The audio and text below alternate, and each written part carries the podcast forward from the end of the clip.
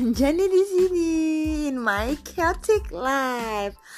Nah, aduh terakhir kan episode keempat tuh ya uh, dongeng dongengnya itu sampai akhirnya um, udah ngobrol tuh ya sama si uh, ibu Lydia. Oke, okay. sebelum kita lanjut lagi, aku mau cerita sedikit nih. Um, di episode ini aku mau cerita tentang bagaimana bisa lima tahun diselingkuhin tapi aku nggak tahu apa-apa sebagai istri sah. Oke, okay. jadi sedikit background, mungkin teman-teman banyak yang bertanya-tanya ya, sebenarnya uh, punya anak nggak sih? Terus pernikahannya seperti apa sih kok blow on banget lima tahun diselingkuhin nggak ngerti? Oke, okay. Anjani mau cerita. Jadi gini, suami Q ya, yang sekarang sudah mantan itu adalah seseorang yang introvert. Introvert. Jadi uh, dulu zaman kuliah aku tuh pernah punya pacar. Pacar yang menurut aku lumayan gaul ya, bisa dibilang lumayan gaul lah. Orangnya uh, asik, gaul, uh, pergaulannya luas gitu. Uh, kita pacaran cuma sebentar, terus kita putus tapi putusnya menurut aku ya baik-baik ya. Nah um, suatu hari mantan pacar aku ini menyampaikan bahwa dia mau menikah. Dia menemukan tambatan hatinya. Ya karena memang hubungan kita baik aku senang-senang aja dikasih kabar. Terus dia ngomong begini e, Anjani menurut gua ya kalau gua aja bisa menemukan tambatan hati gua rasa lu juga bisa kok Gimana kalau gue kenalin lo sama seseorang yang gue yakin ini gak akan mengecewakan? Karena gue kenal dia dari kecil. Dia adalah sahabat gue dari kecil. Rumahnya pun berdekatan. Uh, Dia orangnya introvert. Jadi gue minta lu jangan apa menyakiti hatinya. Gitu. Dititipkanlah seseorang ini Yang bernama mantan suami ini. Akhirnya mantan pacar gue menikah dan uh, sebelum dia menikah dia mengenalkan dengan sahabatnya teman dari kecilnya tetangganya itu mantan suami ini. Berdasarkan informasi yang aku dapat dari mantan aku yang menjodohkan itu kemudian aku kenal keluarganya aku kenal lingkungannya teman-temannya semuanya semua tuh bilang mantan suami aku ini adalah tipe yang introvert. Introvert orangnya nggak neko-neko. Dan memang dari mulai dia kecil sampai dia dewasa dia tuh terkenal sebagai laki-laki yang baik-baik. Jadi alasan aku menikahi dia sih sebenarnya yang paling utama karena aku tahu dengan dia aku akan bahagia dan tidak akan dikecewakan atau disakiti terutama dengan dia berselingkuh. Aku tuh paling takut diselingkuhin sebenarnya. Jadi aku memilih laki-laki yang aku pastikan dia tidak akan mungkin berselingkuh. Menurut aku ya ini dia mantan suami aku jadi bisa dikatakan mungkin karena aku merasa tanda kutip merasa mengenal dia sebagai sosok introvert dan aku sudah melakukan survei ke lingkungannya dari mulai lingkungan, lingkungan kecil sampai dewasa bahwa semuanya melegitimate bahwa dia adalah laki-laki yang tidak mungkin berselingkuh karena dia introvert, laki-laki baik-baik bla bla bla. Dan satu lagi, ibunya pun korban perselingkuhan. Jadi sepertinya tuh kayak semua orang tuh yakin dan percaya gak mungkin deh si mantan suami ini menyelingkuhi istrinya siapa pun nanti yang dia nikahi karena begitu banyak fakta-fakta yang membenarkan bahwa dia adalah laki-laki yang pasti akan menjauhi perselingkuhan. Akibatnya aku terlalu pede. Aku terlalu pede bahwa dia adalah laki-laki yang tidak akan berselingkuh dan keterlalu pedean aku itu membuat aku mungkin ya menurut aku ya melonggarkan pengawasan. Aku terlalu santai gitu loh. Jadi kayak percaya aja sepenuhnya. Um, dalam masa uh, setelah dia mengaku bahwa dia berselingkuh bla bla bla akhirnya aku tahu dia mengakui ketika dia di minta kata dia dia diminta oleh kantornya untuk ikut seminar atau workshop ke luar negeri. Aku nggak tahu apakah itu benar atau enggak tapi dia bilang ketika dia pergi itu di situlah dia check in dengan si ibu Lydia ini gitu. Terus misalnya aku lagi keluar kota. Karena pada waktu itu tuh aku tuh sempat uh, cukup sering ya dinas keluar kota. Nah di antara itulah dia sama ibu Lydia. ML check in whatever it is.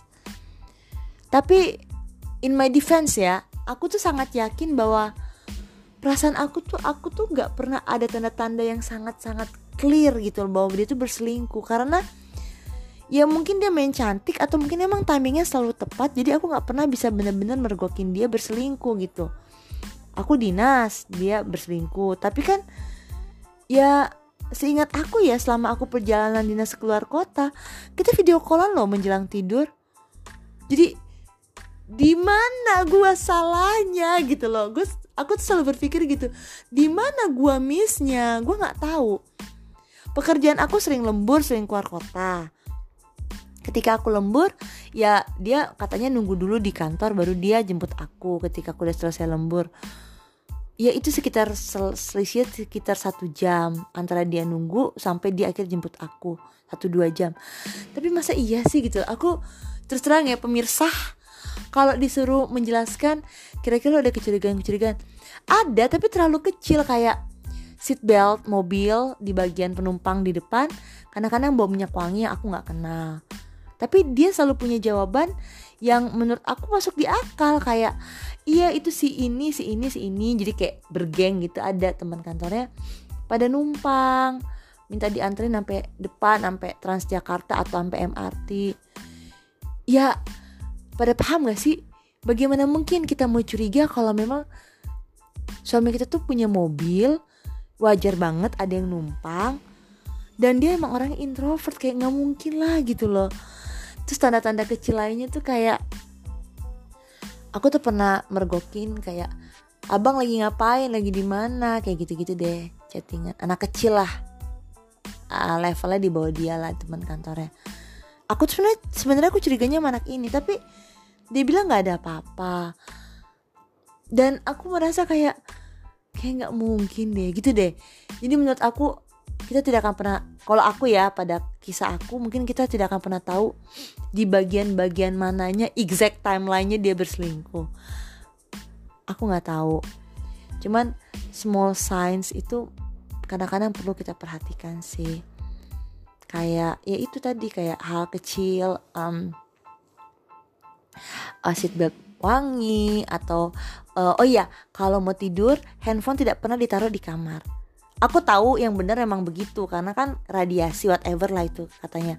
Tapi kan like zaman now gitu kita kan segitu iyanya sama handphone kan. Mau tidur kita lihat-lihat dulu browsing. Bangun yang pertama kali disentuh handphone. Ya nggak sih? Most ya most of people kan begitu ya. Apalagi orang-orang yang memang segitunya sama sosmed gitu. Tapi suamiku tuh enggak. Jadi dia bener-bener handphone tuh nggak pernah masuk kamar selalu dalam keadaan dimatiin dulu baru ditinggal di luar. Jadi mungkin ada yang masuk atau apa telepon masuk cewek itu tapi aku nggak pernah tahu ya. Ya intinya janganlah terlalu percaya 100% sama pasangan. Ini menurut aku ya. Mungkin susah ya karena harusnya kita percaya dong sama pasangan 100% apalagi itu adalah pasangan yang sudah dilegalitaskan berdasarkan agama dan negara. Masa nggak percaya 100% sih terus mau jadi apa pernikahan ini? Paling begitu ya teman-teman. Tapi aku belajar untuk nggak percaya 100% sih. Karena siapa pun itu apa pun itu semua orang punya kans punya kesempatan untuk berselingkuh. Kalau menurut aku.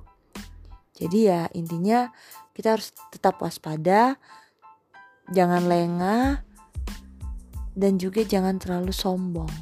Kalau aku boleh ngomong ya aku agak sombong. Aku yakin banget aku tuh cantik bener gitu.